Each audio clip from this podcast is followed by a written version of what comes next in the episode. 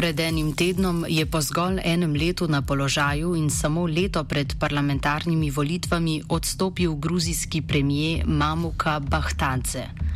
Odstop premijeja sam po sebi ni tako nenavaden, bolj presenetljiv pa je razlog, ki ga je navedel. Kot premijer naj bi namreč dosegel vse, kar si je zadal, in sicer naj bi uspešno razvil strateški učni načrt, ki naj bi služil kot vodilo razvoja države v prihodnjih letih relativno neambiciozen cilj za premijeja. Danes je bil na predlog vodje vladajoče stranke Gruzijske sanje oligarha Bidzina Ivanišvilija, ki naj bi bil de facto vodil to kavkaško državo, za premijeja izvoljen sedaj že bivši notranji minister Georgi Gaharja.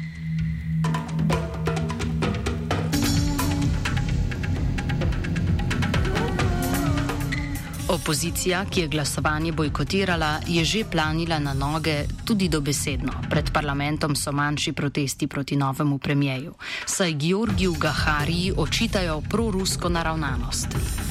Bivši državljan Rusije je bil v času svojega službovanja kot not notranji minister deležen ostrih kritik zaradi brutalnega policijskega nasilja nad protiruskimi protestniki junija letos, ki so se podali na ulice potem, ko je ruski diplomat gruzijski parlament nagovoril v ruščini z mesta predsednika parlamenta. Po drugi strani pa so nacionalistični voljivci podprli policijsko nasilje nad Rejveri, za katerega se je bil Gaharija sicer primoran javno pravičiti. Nasilje je maja letos sprožilo tako imenovane rejv proteste za bolj tolerantno zakonodajo o prepovedanih substancah in proti policijskem nasilju.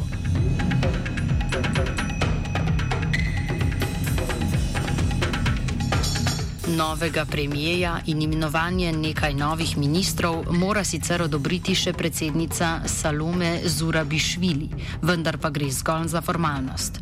Gruzijske sanje, stranka, ki naj bi bila relativno prorusko naravnana, imajo v, par v parlamentu več kot dvotretinsko večino, vendar pa jim zaradi imenovanja Gaharije bolj izrazito proevropska opozicija že napoveduje poraz na naslednjih volitvah.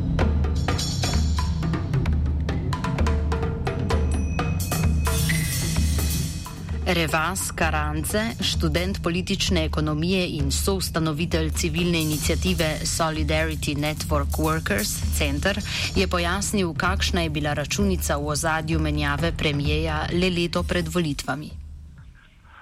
To be honest, the uh, resignation of the previous prime minister cannot be really uh, a sort of uh, adjusted to anything political going on in the country. The biggest thing was like reshuffling.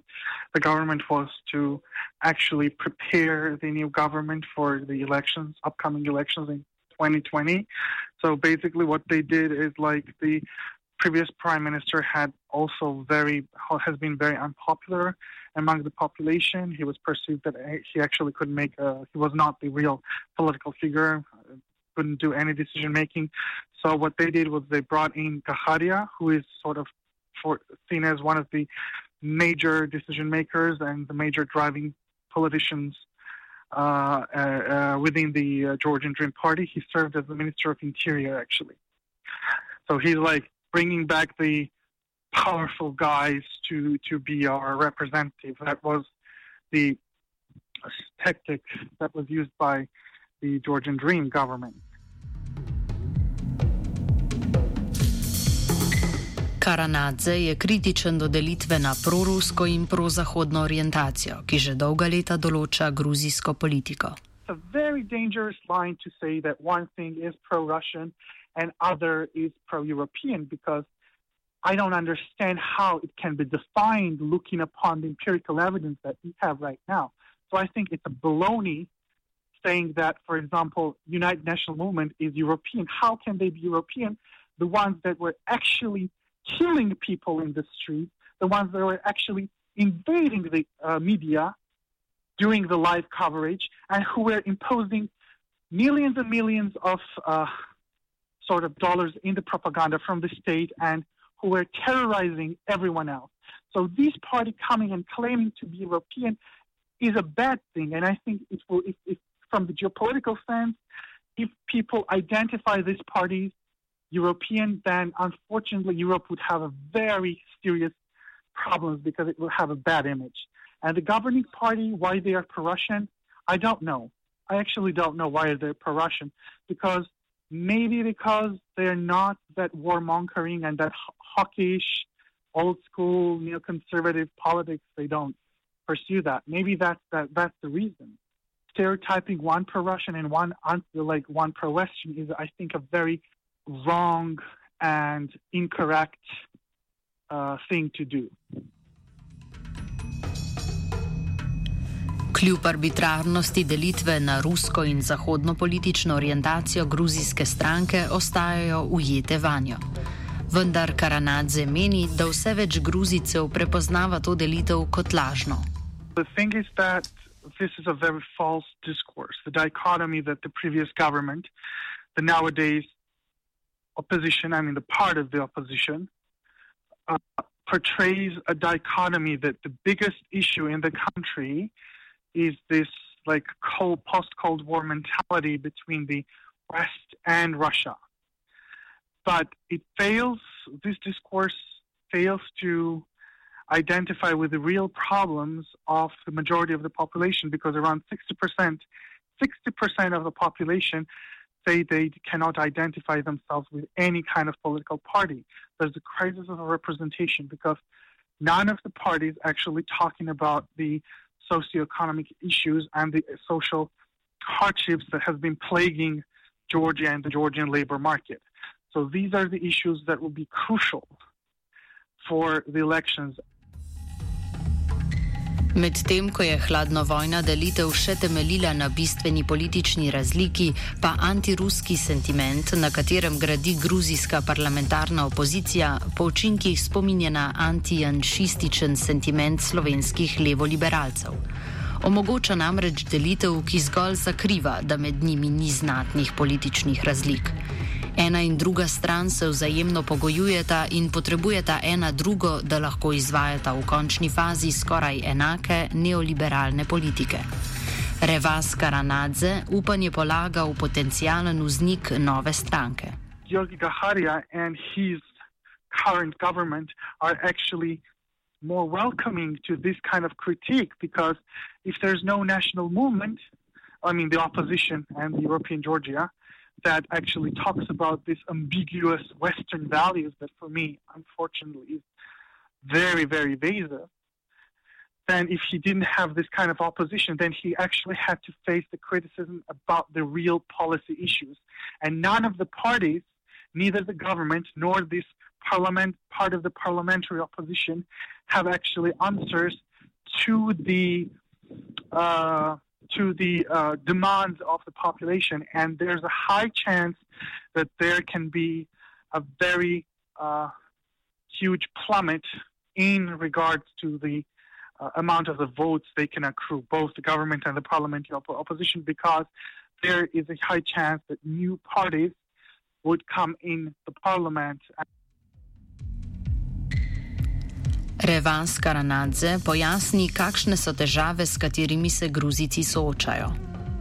The uh, median wage in the country is like 300 lari, and there's a huge migration from the country to European Union now as migrant workers, especially to Southern Europe, like Greece, Italy as domestic caretakers. Most of the migrants are women. And also now the young people are migrating to Northern European countries like Germany, Denmark, etc. So these are the issues that are actually very much tangible and are very much sort of identifiable by the voters. And no one is talking about this.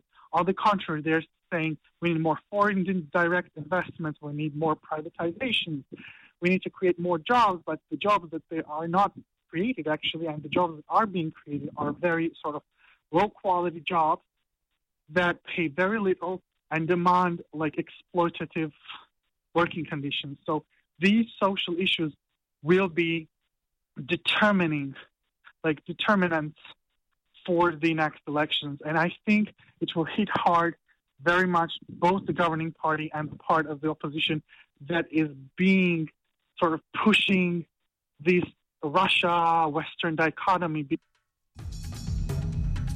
Kakšne pa so možnosti, da bi do nastanka in preboja nove leve stranke dejansko prišlo?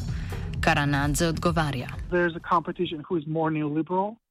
Right now, so the government proposed a change also in electoral systems. It will be party list proportional electoral election without any threshold, so 0% threshold you have, so you can just get in the parliament. So that's very tangible right now. So, yes, there is a plausibility for a third party, or not like a third party as a political party, but another sort of uh, movement or another uh, political position that is closely linked to the interests of the people and reflect their issues to be actually in, uh, like voted in the parliament. That's a plausibility. Vendar pa so bili vidni protesti v Gruziji v zadnjem času predvsem nacionalistični, torej protiruski ali pa apolitični, namreč za legalizacijo drog in proti policijskemu nasilju. Revas Karanadze pojasnjuje, da se delavsko gibanje kljub temu krepi. Things happening in the country that unfortunately has not been covered that much. It was about like the metro strike in 2018 that was huge, and we paralyzed the city for four days, and we got 30% raise, and the government was sabotaging us, but the population stood on our side. And after this metro protest, it was unprecedented because nothing happened, and they did this protest without the support of the Confederation trade union because they were fired from the Confederation six years prior to this protest.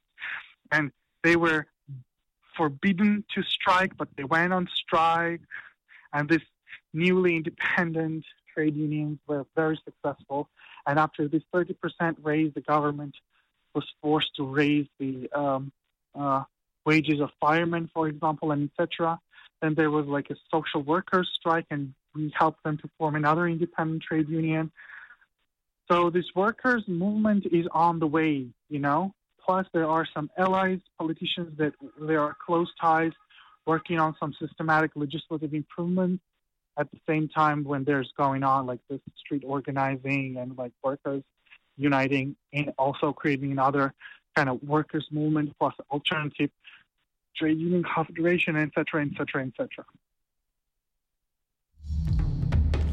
Politične razmere v Gruziji so torej vse preveč domače. Arbitrarna delitev na liberalne in konzervativne politične elite, ki ponujajo zgolj izbiro manjšega zla, medtem ko oboje izvajajo neoliberalno politiko. Le upamo pa lahko, da bo morebitna nova leva stranka v Gruziji temeljila na množičnem delavskem gibanju in bila zvesta spominu na velikega jeklenega Gruzina, ter da ne bo zapadla v zgolj parlamentarno politiko, kot se je to zgodilo pri nas.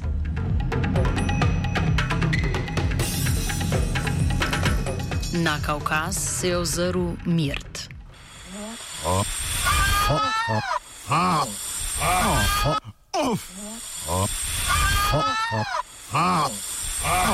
Offside. Kaj delaš, ki je vprost?